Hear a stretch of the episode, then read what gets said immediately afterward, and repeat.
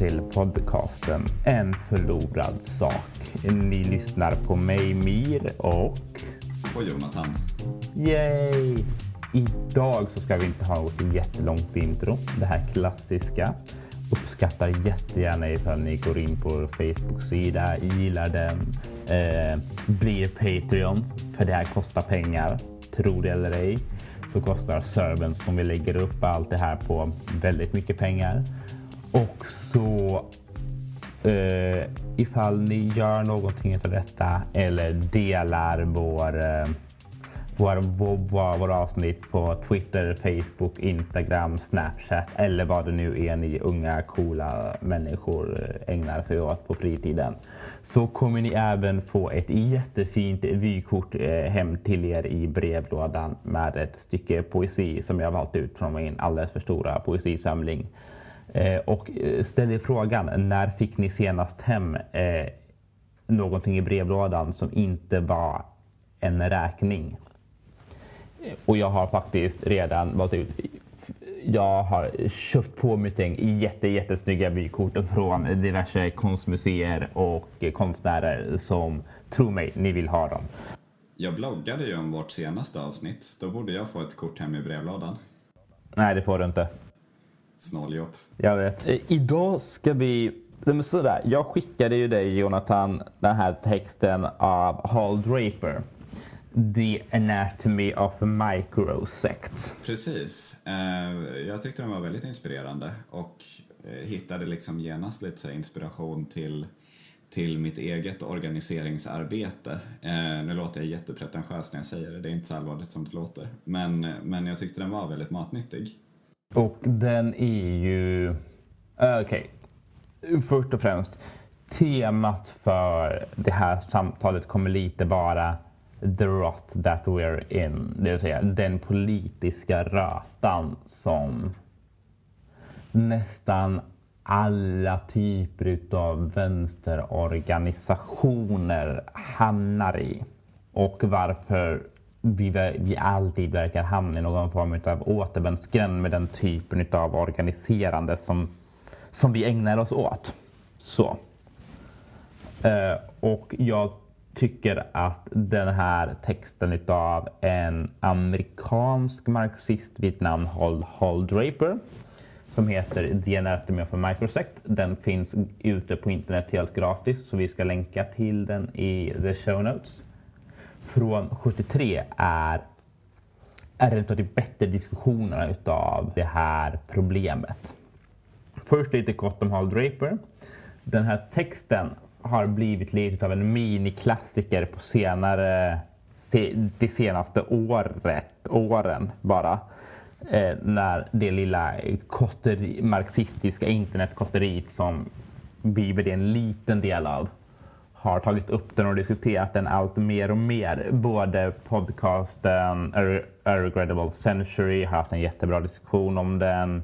Swampside Chat som vi har haft på flera medlemmar utav. Cedric Varn, Douglas Lane och på deras podcast och politiska projekt har alla diskuterat den. Vi kommer länka till de diskussionerna nedan också. Men Hall Draper kom från USA helt enkelt. Och den här texten skrevs på 70-talet. Han hade väl varit politiskt aktiv ända sedan 50-talet tror jag. Eh, och han, som i princip alla vettiga marxistiska teoretiker efter typ 40-talet så var han kom han från någon form av trotskistisk bakgrund men bröt med den. Men liksom det är därifrån han har sin bas. Vi sen väl också peka på att den amerikanska kontexten är ju ganska annorlunda från vår. I USA så fanns ju eh, USKP, eh, United, nej, ja, vad det nu hette, det officiella amerikanska kommunistpartiet. Eh, som alla på vänsterkanten på något sätt fick definiera sig mot. Som var ett jävla... Ja, de styrdes direkt från, US, från Sovjetunionen. På 30 och 40-talet så fanns det ett gäng skandaler där det här kommunistpartiet helt enkelt på order från Stalin kidnappade oppositionella eller eh, personer som sades vara oppositionella i USA smugglade dem till Sovjetunionen där de blev avrättade. För att jag vet inte stalinister är som de är. Det tyckte de kände meningsfullt. Så det, som, det blev bara, förutom det partiet som finns kvar, idag är de på något absurt sätt ganska tätt knutna till Demokraterna på grund av Stalins eh, politik om att eh, man skulle alliera sig med Socialdemokraterna och, eh, och Demokraterna under andra världskriget. Är det, är det så att det finns en koppling mellan den här rörelsen och Democratic Socialists of America? Nej, det gör det inte. Nej, utan de har, det är en annan fraktion inom Demokraterna? Absolut. Eh, de, de är inte en del av Demokraterna officiellt. Men de skänker mycket pengar till det. Och jag menar, jag vet inte hur stora de är idag faktiskt längre, men de har jävligt mycket pengar för att de är en del av Sovjetunionen liksom. Så de äger mycket mark bland annat. Ja, det är så ironiskt på så många plan, men ganska kul. Ja, jo, jo, jag vet. Ja, men sådär, alltså alla kommunistpartier som hade någon form av koppling till Sovjetunionen är ju ett jävla röta liksom vi vet ju det med Vänsterpartiet i Sverige också. Liksom, ända in på 70 80-talet så fick ju de ja, men, så jävla mycket cash från, från Sovjetunionen så det är löjligt. Ja. Eh, men liksom, det, det partiet fanns och sedan så fanns det så här, mass, precis som i Sverige, massa jävla små sekter. Typ i Sverige har vi, jag vet inte, vi har SKP, Sveriges kommunistiska parti. Eh, vi har Kommunistiska partiet, icke samma parti. Vi har Rättvisepartiet Socialisterna. Vi har Revolutionen och så vidare. Så här massa små maoistiska och trotskistiska eller stalinistiska grupper. Trottarna tenderar att antingen bli typ sossar eller att bli mer stalinistiska än stalinisterna själva. Och maoisterna tenderar att bara bli konstiga, för de är maoister. Men det sättet som du pratar om andra tendenser på, är inte det lite sekteristiskt? Så här, låt oss... Jag tycker att Draper har en väldigt bra definition av vad en sekt är. Vi kan börja med den. En politisk sekt. Och liksom när man pratar om saker och ting så gäller det att ha väldigt, väldigt tydlig definition. Dels kan du ha den här bad def definitionen där vi slänger ur oss sekt som någonting som är dåligt. Och det kan man ju ha, men det är inte särskilt konstruktivt. Jag menar, vi är ju på något sätt materialister. Vi ska försöka att ha, att inte bara ha bad definition utan ha våra definitioner i någon form av materiell verklighet. Och en sekt är ett politiskt projekt som har sin eh, eh, sin, sina demarkationslinjer mot omvärlden eh, på teoretiska grunder. Det vill säga ett politiskt program. Istället för som eh, Marx eller eh, som Marx argumenterar för, men även som Draper här argumenterar för, att det ska vara en del av en social rörelse, det vill säga man tar sida i en social antagonism. Det klassiska exemplet på det här, för, för att göra det tydligt, är eh, eh kommunistiska partiet på 70-talet. Då det var en stor jävla hamnstrejk i Göteborg. Den är ganska känd. Och eh, i deras tidskrift Proletären, när den här hamnstrejken var över, så hade de den här fantastiska, eh, fantastiska sammanfattningen En förlust för arbetarklassen, men ett seger för partiet. Och både Draper och Marx argumenterar för att en kommunist eller en marxist inte har några andra intressen än, en, en, eh, en klassens intressen och att det är omöjligt att göra den distinktionen. Men det är väldigt lätt att se hur, hur kommunistiska partiet kunde säga så. För bara, ja nej men hamnstrejken var en objektiv förlust för arbetarklassen. Liksom. Man dränerade strejkkassan, alla blev jättedesillusionerade. Eh, teknokraterna i LO blev starkare, de små fackförbunden splittrades.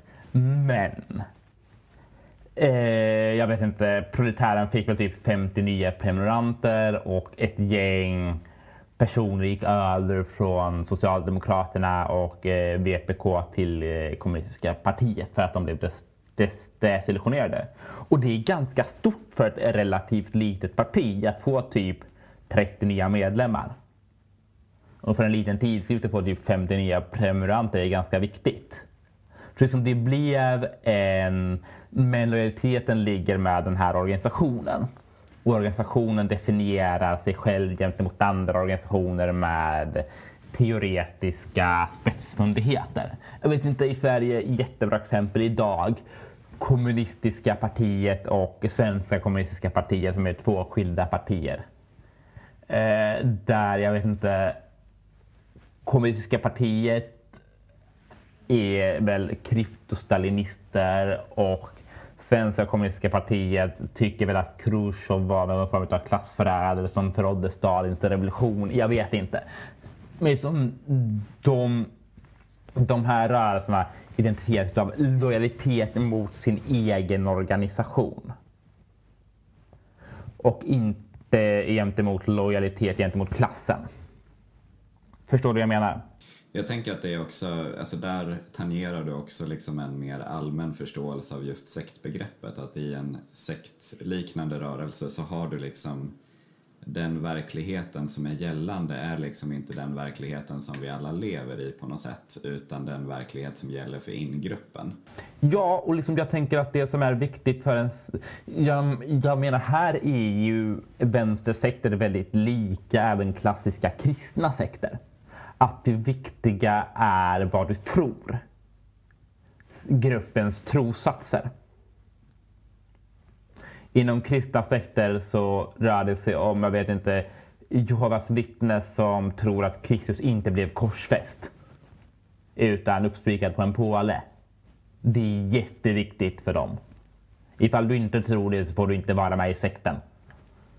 Och då får du gå med i, jag vet inte, Livets Ord istället som tror att du blir, att, rik, att rikedom är tecken på Guds på Guds försyn. Medan stora sociala grupperingar som jag vet inte, katolska kyrkan eller till och med pingstkyrkan kan inte ha den typen utav strikta demarkationslinjer på trossatser.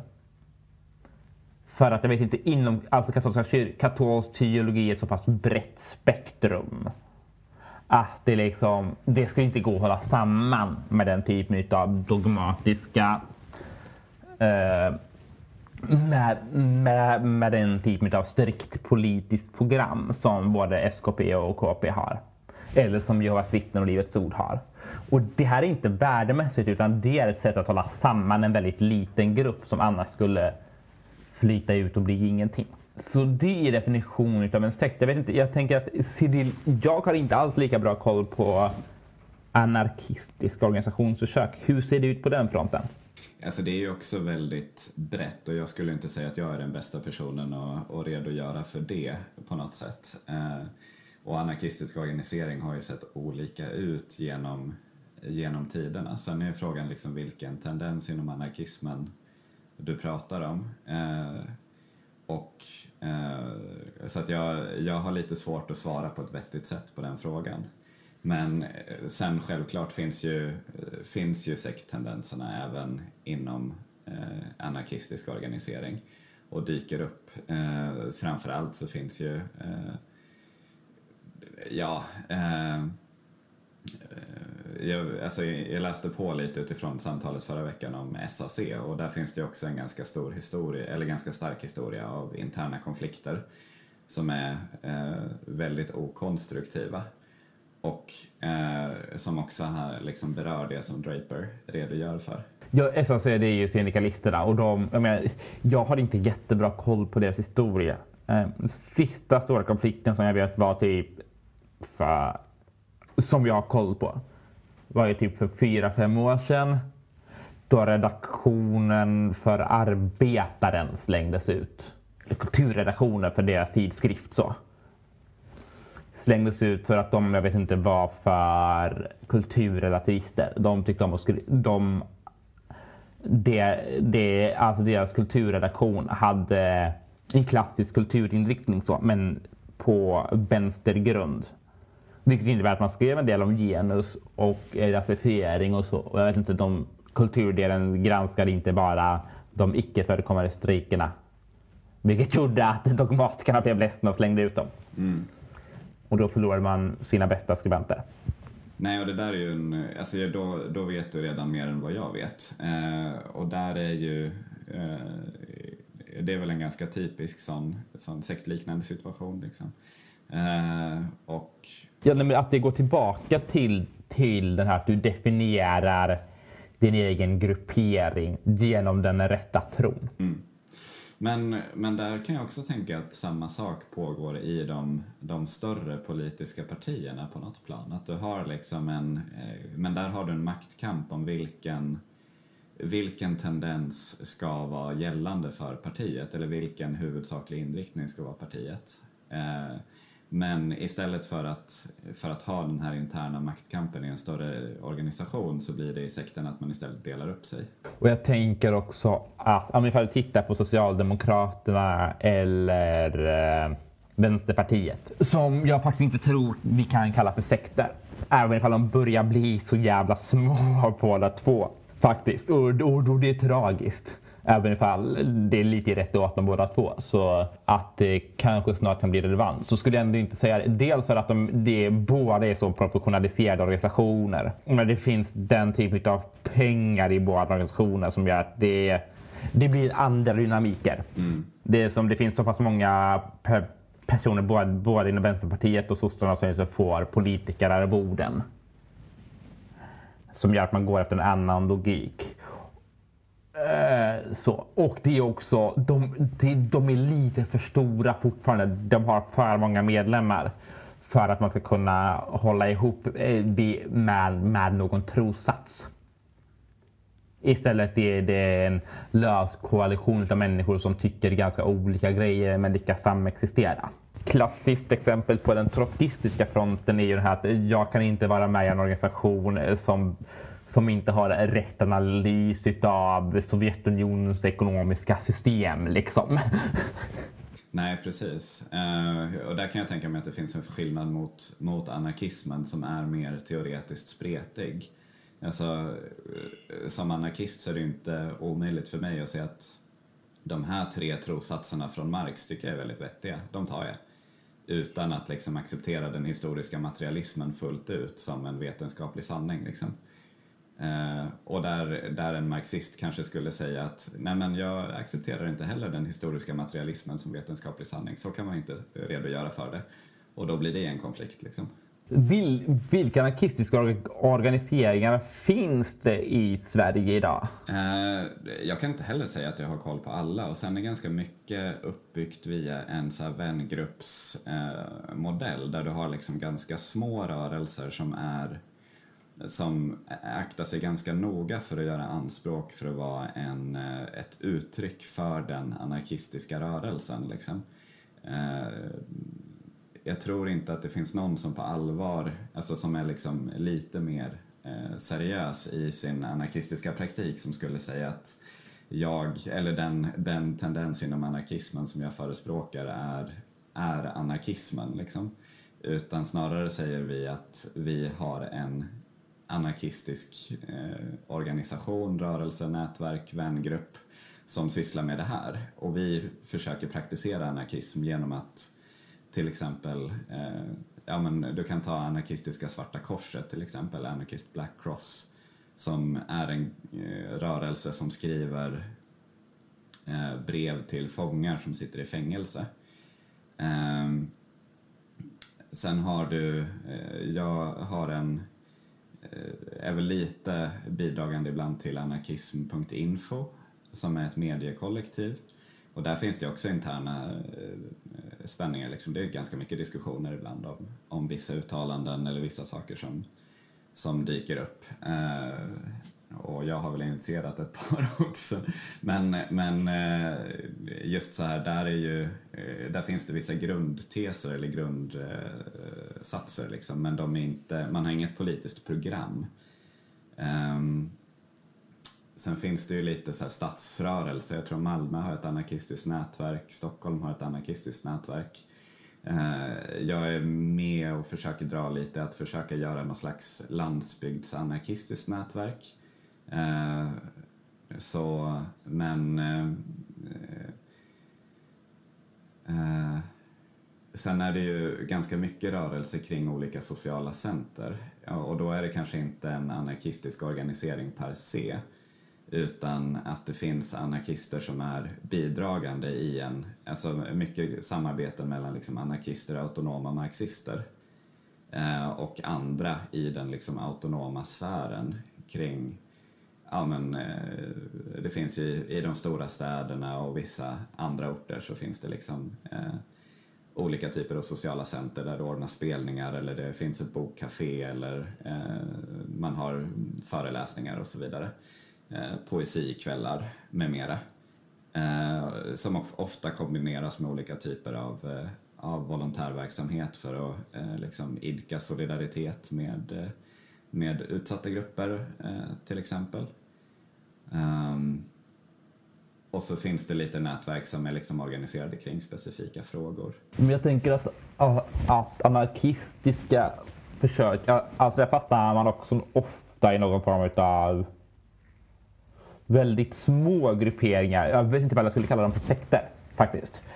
För, för, för, att de är för praktiskt inriktade och har inte sina demarkationslinjer på teoretisk grund lika ofta som vi marxister har. Eh, men, men å andra sidan så finns det en teori inbyggd i praktiken som ni sysslar med som, som är skeptisk mot centralisering. Vilket gör att, vilket gör att det är väldigt och utan centralisering är det extremt svårt att skala upp samverkan till på större nivåer. Jag ska inte säga att det är omöjligt, men det är svårt. Ja, alltså man får ju jobba på ett annat sätt. Jag skulle säga att svårigheten ofta består i att det inte finns så många bra exempel att kopiera. Eh, samhället är centralistiskt organiserat och då, och då är det lättare att jobba vidare på samma sätt, så att säga. Eh, sen är väl demokratisk centralism en av de punkterna där absolut eh, har absolut mest eh, konflikt med marxismen eller håller minst med marxismen. Men demokratisk centralism är, det är inte nödvändigtvis en marxistisk tes heller. Eh, absolut, men eh, sen tänker jag att... Eh, def först definiera vad du menar med demokratisk centralism. Jag tänker att vi kanske ska skippa den diskussionen och ta den någon annan gång. Eh, utan du har, du har helt rätt i att det inte per nödvändighet är en marxistisk princip. Absolut. Men, eh, men däremot så tänkte jag att det är värt att säga också att anarkistiska organisationer är inte på något sätt immuna mot, eh, mot interna konflikter, splittring eller sektbeteende. Eh, alltså jag har en väldigt positiv bild av Anarchist Black Cross men, men jag fick till exempel veta att så här, man har splittrat eller slutat samarbeta med, med Köpenhamn på grund av att liksom ideologiska skiljaktigheter och då kommer jag inte ihåg men det var någonting som liksom Köpenhamns eh, eller Danmarks ABC hade gjort som, som resten av ABC tyckte var, var helt bonkers och då har man liksom slutat samarbeta. Eh, och det är ju liksom en, eh, där kan man ju diskutera, det kanske var bra att sluta samarbeta i det fallet, där är jag alldeles för dåligt insatt.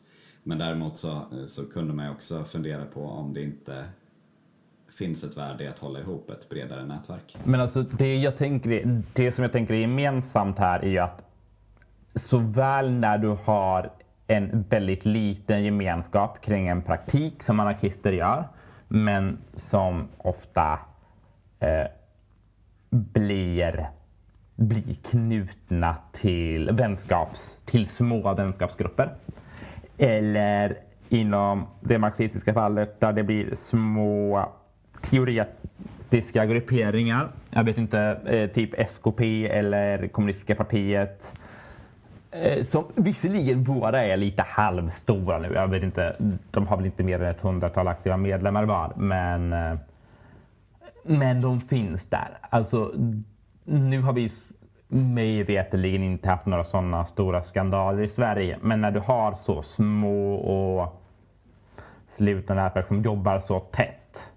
Men det tenderar att bli ganska sunkigt ganska snabbt. Men nu, typ de sista två åren bara har, har typ två eller tre stora marxistiska microsects, eller sekter, eller, eller socialistiska liksom gått under och upplösts på grund utav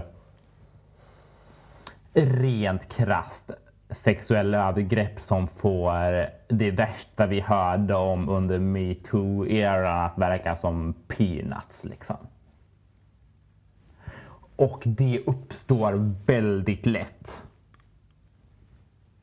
när du rör dig i små slutna grupperingar som har en väldigt stark lojalitet till varandra så uppstår den typen av beteenden väldigt, väldigt lätt. Det låter nästan lite deterministiskt när du uttrycker dig på det sättet. Eh, och vad... Jag menar, du är lite insatt i, i sociala dynamiker i mellanmänskliga relationer, så på en teoretisk grund, vad skulle du säga att det beror på, eller vad är orsaken till det? Så här, du har en liten, en liten social grupp eh, som har väldigt tydliga demarkationslinjer gentemot mot, mot, mot, mot omvärlden. Låt oss kalla det här för nu, nu, nu hittar jag på ett namn. Ifall, ifall den här gruppen finns i verkligheten så ber jag så hemskt mycket om ursäkt. Men typ eh, revolutionära trotskist-maoisterna i Jönköping. Som uppstår genom en splittring från en annan marxistisk gruppering så de splittras därifrån. I en sån splittring är det ofta ett gäng personer som är väldigt drivande i en gruppering. Så det vill säga ett gäng personer som har byggt upp ett socialt, eh, ett, ett socialt kapital i, ett, i, i, en, i en sluten grupp. Eh, den typen av sociala kapital i en liten grupp som fortsätter vara ganska liten leder alltid till att den här gruppen kröker sig inom sig själv, får sina egna normer att verka efter. Och där och i små grupper blir, blir en viss form utav karisma. Utav social prestige vägledande för makt. Eh, och det gör också att en, du, du, du kommer undan med väldigt mycket skit. Liksom. Alltså, i, I små grupperingar där du är lojal med organisationen tenderar ledaren att få väldigt mycket makt och det tenderar att uppstå ett vi mot värld, en vi mot världen mentalitet. Och en sån mentalitet rättfärdiga ledarens eller in i gruppens handlingar alltid gentemot omvärlden. Liksom, I såväl religiösa som politiska sekter så tenderar detta att bli rent krasst, det tenderar nästan alltid att och, och utmynna i, i, i någon form av sexuella övergrepp eller att du utesluter oliktänkande. Eh, och så vidare och så vidare. Jag, jag skulle säga att det beror på att så små grupper är, behöver, för att överleva, identifiera tydliga gränser mot omvärlden. Eh, och, i de, och då måste man även förklara varför man fortsätter vara små.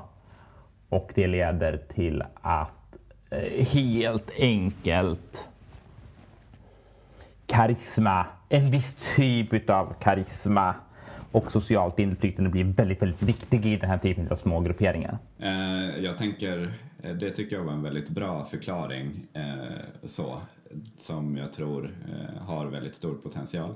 Eh, och så här kan man ju tillägga, liksom många anarkistiska grupper just har ju en, ett ideal av ledarlöshet. Eh, och där tänker jag att det, det kan ju nämnas att det, det idealet i sig är ju ingen, inget vaccin mot eh, den här typen av tendenser eller den här typen av problem. Informell makt, informell makt. Så är det, och där, där tänker jag på så här eh, Joreen och eh, Strukturlöshetens tyranni är ju en väldigt bra text. Eh, som Joe Freeman, en amerikansk feminist, som skrev apropå ledarlösheten i den andra vågens feministiska rörelse och de problem som uppstod på grund av det. Sen eh, är jag övertygad om att det går att eh, praktisera ledarlöshet på ett bra och strukturerat sätt. Men eh, men då måste man också jobba på det. Det känns som att vi har snöat in lite. Mm. Alltså, låt oss gå tillbaka till den kära Hall Draper.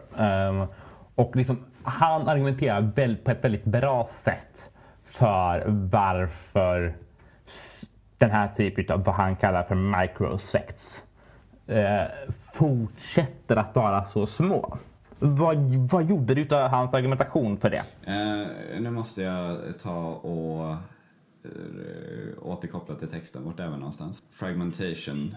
Precis, bland annat. Um, Alltså det, det jag plockar med mig framför allt, och nu kanske jag har, nu hoppas jag att jag förstått honom rätt här, men, men att du har just den här, eh, alltså lite en, en ideologisk renhetssträvan, eh, där du eh, Dels så, så tittar han ju på de idéhistoriska rötterna, eh, men, eh, men där du har en idé om vad eh, vad som är liksom sektens eller gruppens kärna och eh, vad som krävs för att Alltså här får vi nästan klippa. Jag, inte, jag har inte den typen av detaljinsikt i texten. Nej, men då kan jag ta och dra det. Uh, nej, men sådär. Hans tes är att det liksom finns ett gäng olika faktorer till varför sekter är så små. Dels för att det är sådär. Ofta bygger en, eh, en klassisk vänster uh, sådär. Okej, okay kon konkret. Det finns ingen stor socialistisk rörelse i Sverige. Då är den spontana grejen som man tenderar att göra, ja men fan, låt oss starta en. Så det är så här, ganska rimlig slutsats. Och så springer man iväg ett gäng polare och startar den. Så. Och då börjar man med så här, okej, okay, ja, men fan, vad tycker den här socialistiska rörelsen? Och så skriver man ett jävla program. Och så i bästa fall så får man liksom en liten grupp medlemmar. Men då har du redan låst in, men då har du börjat i vad Hall Draper kallar för den programmatiska linjen. Och det, och det liksom är hans huvuddefinition av vad en sekt är. Att, att, att det är en liten marxistisk gruppering på programmatisk grund som kommunistiska partiet med, med, sin, eh, med sin politiska inriktning eller Rättvisepartiet Socialisterna eller SKP. Eh, det vill säga eh, du, du har en liten grupp med människor som började med att ah, fan, vi startade en socialistisk rörelse och så bygger man ett nytt parti eller ansluter sig till ett gammalt och de växer inte. De, de liksom fortsätter att vara väldigt, väldigt små. Och det beror på att dels historiskt faktum. Du kan inte skapa en revolution. Du kan inte skapa en rörelse. Det har aldrig hänt. Någonsin. En rörelse och eh, en socialistisk eller politisk rörelse uppstår på grund utav eh, sociala motsättningar i samhället. Eh, och uppstår i den dynamiken med samhället. Eh, dock så måste det finnas politiska aktivister och ledare också. Men, men du kan inte skapa en socialistisk massrörelse liksom. Och liksom Sen så finns en annan strategi. Du försöker slå ihop sekter. Typ, du försöker slå ihop, jag vet inte, SKP och eh, KP. Nu vet inte någon som har försökt med det faktiskt utan något outgrundligt skäl. Man kan väl inte komma överens om huruvida det var Khrushchev eller Gorbatjov som förrådde Sovjetunionens revolutionära potential. Eh, så eh, de helt enkelt, men då får vi liksom en större sekt. Men det blir samma dynamik ändå. Alltså den här typen av dels så splittras man igen ganska snart för att det går inte att hålla ihop. På programmatisk grund. Det vill säga på en ganska detaljerad beskrivning av verkligheten och vad man vill. En större politisk gruppering. Sen så finns det den här, liksom det är, sen, sen, sen så finns det andra sätt att försöka lösa det här problemet. Det vill säga du kan gå med i fackföreningsrörelsen som en intellektuell eh, eller ansluta dig till enfrågeorganisationer. Den typen av lösningar har sina egna problem. Du kan även försöka gå med i sossarna eller Vänsterpartiet. Det, det leder till, till, till sin egen typ av motsättningar. Men jag tänker att det är, det är en annan typ av problem som vi får ta en annan gång. Men do I make any sense? Eh, ja, nej men absolut. Och nu kommer jag ihåg lite mer av, eh, av Drapers poänger också. Det var några dagar sedan jag läste texten.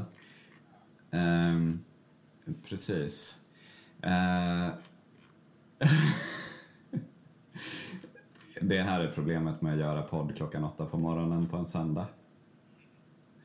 Um, nej, alltså jag tänker att du har beskrivit vart Draper vill komma med, eh, med sin problemanalys ganska bra. Um, så. Um, det är, uh, han pratar ju också ganska mycket om det här just med eh, soul saving shibboleth.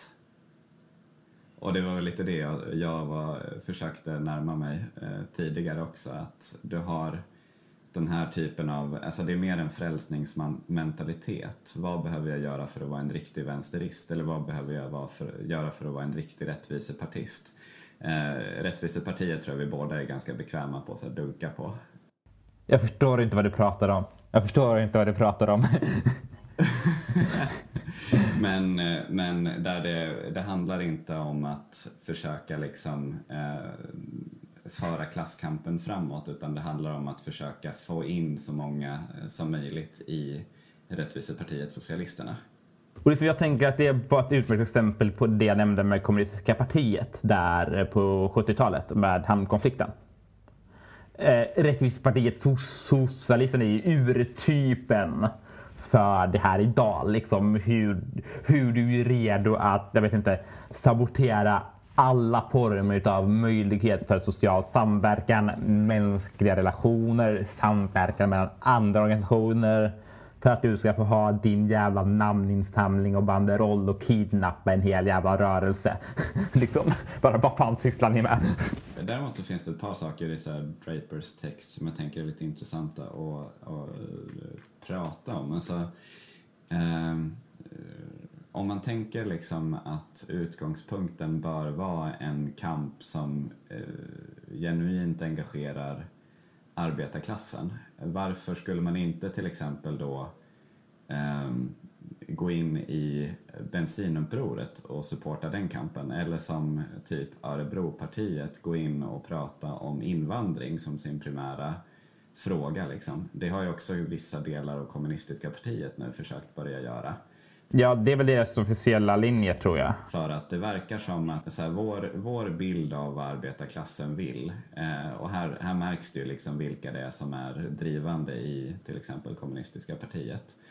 Eh, för att Alltså, vår bild av vad arbetarklassen vill är att arbetarklassen, vi tänker oss en, en riktig arbetare från Göteborg som gillar gillar lager och, alltså då menar jag lageröl, eh, och som ogillar invandrare och eh, så här, genusideologi liksom. Eh, och då, då genusideologi inom scare quotes. Eh, och då försöker vi rikta oss mot vad den här klassiska arbetaren vill, liksom. Eh, I någon slags mm, vänsterpopulistisk anda. Eh, är det det Draper menar att vi ska göra?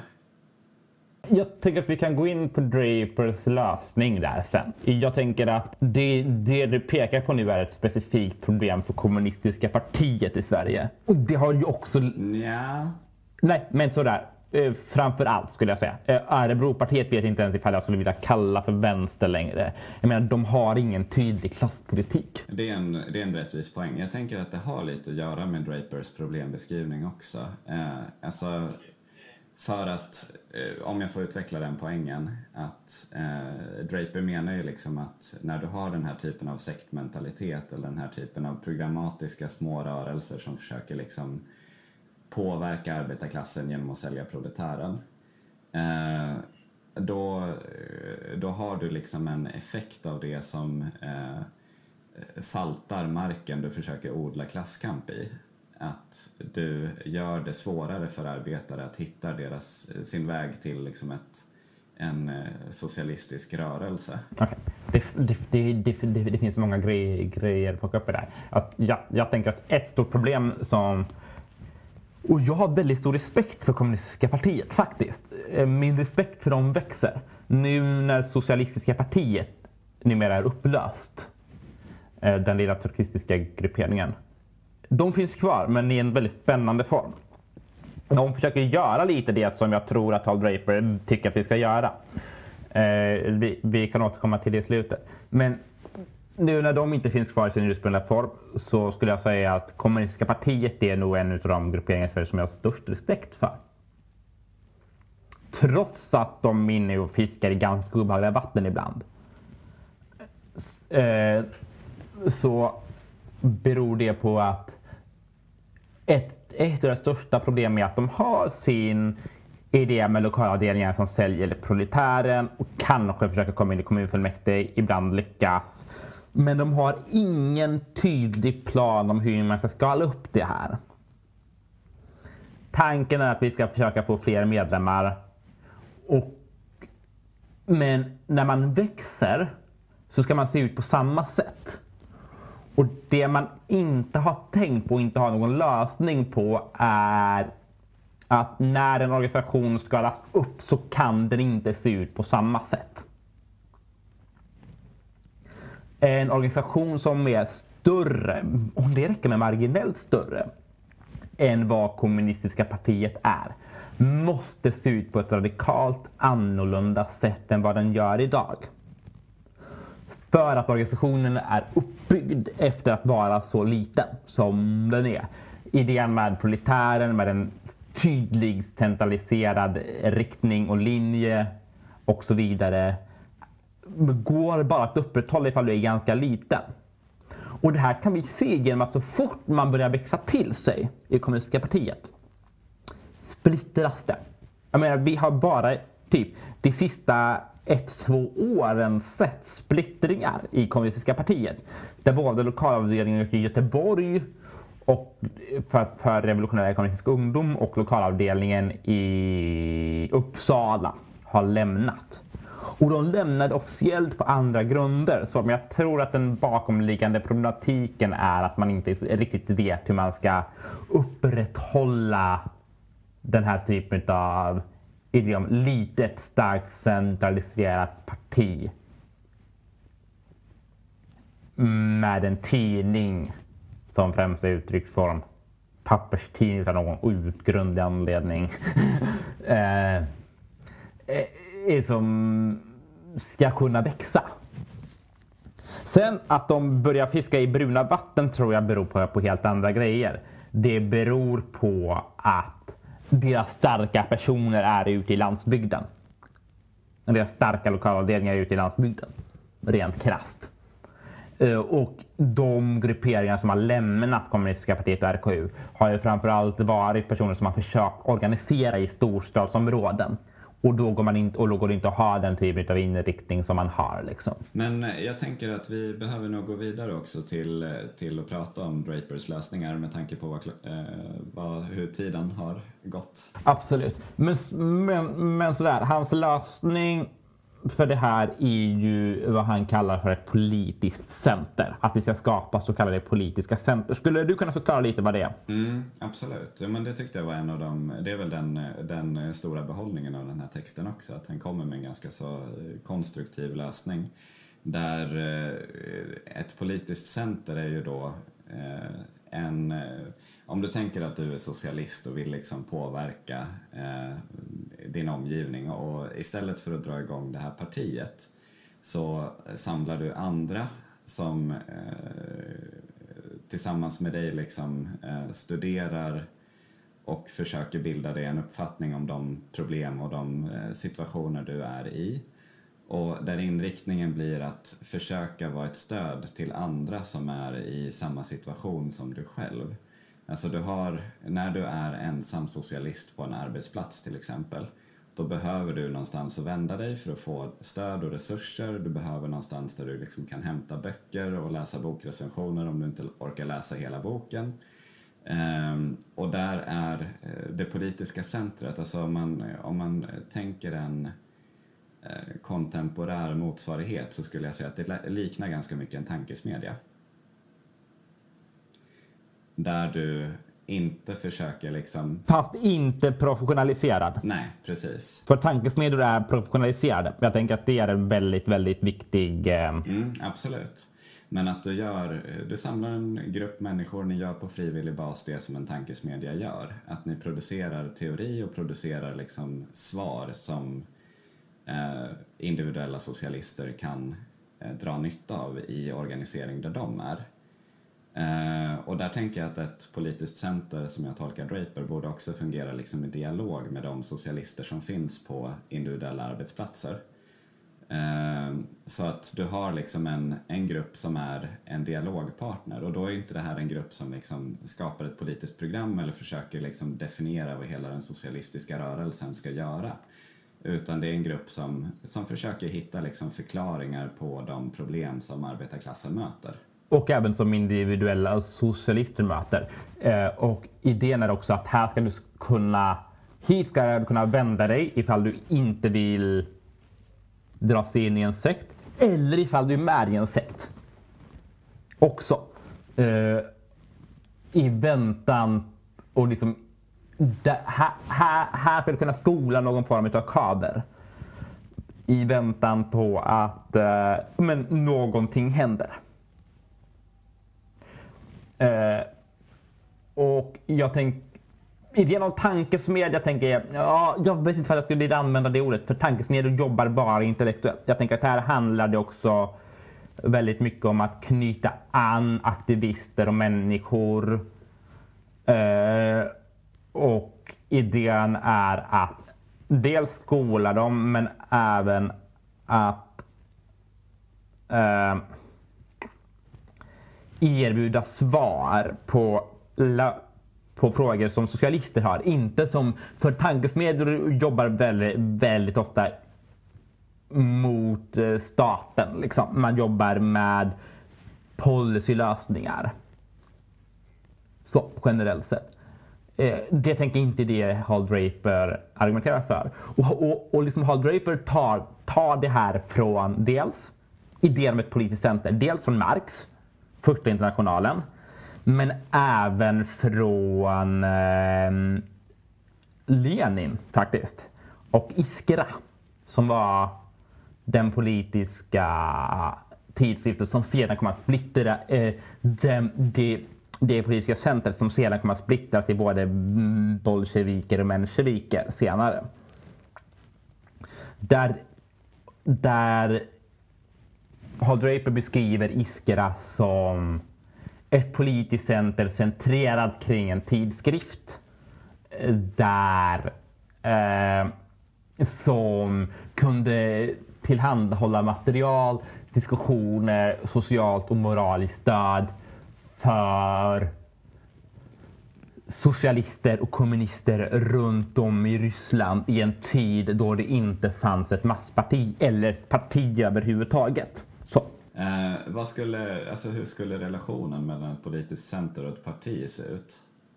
Jag tänker att relationen mellan ett politiskt center och ett politiskt parti skulle vara så här ganska neutral. Framförallt eftersom att det alltid bara finns ett parti på, no på vänsterkanten. Så, så tänk att den borde vara ganska neutral. Eh, det finns ett politiskt center i USA nu som vi startade av ett gäng draperister och leninister och eh, Kautsky-läsare som heter Marxist Center. Eh, och de, många av de här är ju medlemmar i eh, små jävla vänstersekter liksom. Men det finns en väldigt klar medvetenhet. Så här, när du är aktiv i, där så är du, du, du fungerar som en länk mellan ditt parti och, och centret. Din uppgift är inte att eh, föra ditt partis talan gentemot centret. Liksom. Så liksom det ska vara någon form av medvetenhet om att det finns någon form av neutralitet gentemot me mellan olika marxistiska partier och socialistiska partier. Eh, så Tänker att, att, det är, att, att det är A och O. Eh, det finns faktiskt en gruppering som försöker sig på något liknande idag i Sverige. Och det är Socialistiska partiet, det gamla Trottepartiet, som nu har bytt, de har släppt partiet ur sitt namn, så mm, Socialistiska förbundet tror jag de heter nu och så vidare. Och har uppmanat sina medlemmar att gå med i Vänsterpartiet eller något annat förbund. Och de försöker fungera lite som ett politiskt center med basen i sin tidskrift Internationalen. Jag tycker att det är, att det är en spännande idé. Sen så vet jag inte hur jävla klokt det var att uppmana folk att gå med i Vänsterpartiet. Eh, faktiskt. Så, eh, men vi får se hur det går. Jag hade hellre sett att man hade vänt sig mot kommunistiska partiet eller mot eh, eh SKP. Liksom. Men det är en annan historia. Jag tänker också att det är lite intressant för att jag tror att eh, liksom, idén om politiska centra skulle du kunna använda för att jobba inom, inom liksom en anarkistisk tradition också. Eller utifrån en anarkistisk ideologi. Och du skulle även kunna använda den för att så här sammansluta anarkister och marxister. Faktiskt. Hur tänker du då? I viss utsträckning så. Jag tänker ungefär så som första internationalen såg ut. Att du, du så här har Framförallt i en tid då vi, har, då vi är så, då vänstern ligger i någon form utav ebb. Så kan både marxister och, och anarkister enas i någon form av motstånd och i försök att politisera arbetsplatser och eh, grupperingar runt om i samhället i en klassmedveten riktning. I, i en klassmedveten feministisk och antirasistisk riktning. Så att där kan ett marxistiskt och anarkistiskt center inte samverka. Åtminstone. Ja, alltså det bästa tycker jag nästan vore om man hade anarkistiska och marxistiska center som, som eh, debatterade. Uh, ja, men uh, vi skulle försöka hålla det lite kortare idag. Nu har vi spelat in i 57 minuter. Och liksom, men avslutningsvis, alltså, lä, läs den här texten. Den är jättekort. Alltså, du plöjer den på 20-30 minuter. Ja, och, och den var väldigt upplysande. Alltså, det var en... Uh, jag tyckte också att jag hade stor behållning av att läsa den. Alltså, det är en av de viktigaste marxistiska texterna i den marxistiska tra tra traditionen som är skriven efter Mao skulle jag säga. I Sverige är det inte jättekänd. Vi, mm, vi, vi får försöka råda bot på det. Och jag tror på idén om att skapa någon form av marxistiskt center. Jag har haft den idén jättelänge. Jag är bara jävligt oklar på hur det i praktiken ska gå till i, i ett land som Sverige. Och men, idén om en form av bas för socialister och kommunister att mötas bortom partigränser och partilojaliteter för att utbyta erfarenheter, argument och gemensamma projekt.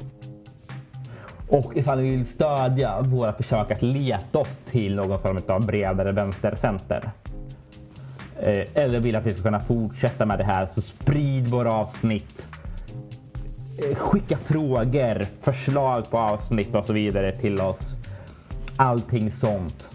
Dela, bli Patreons. Men ifall ni delar, bli Patreons eller något sånt. Återigen, vi får hem vykort. De är jättefina. Tack för oss idag.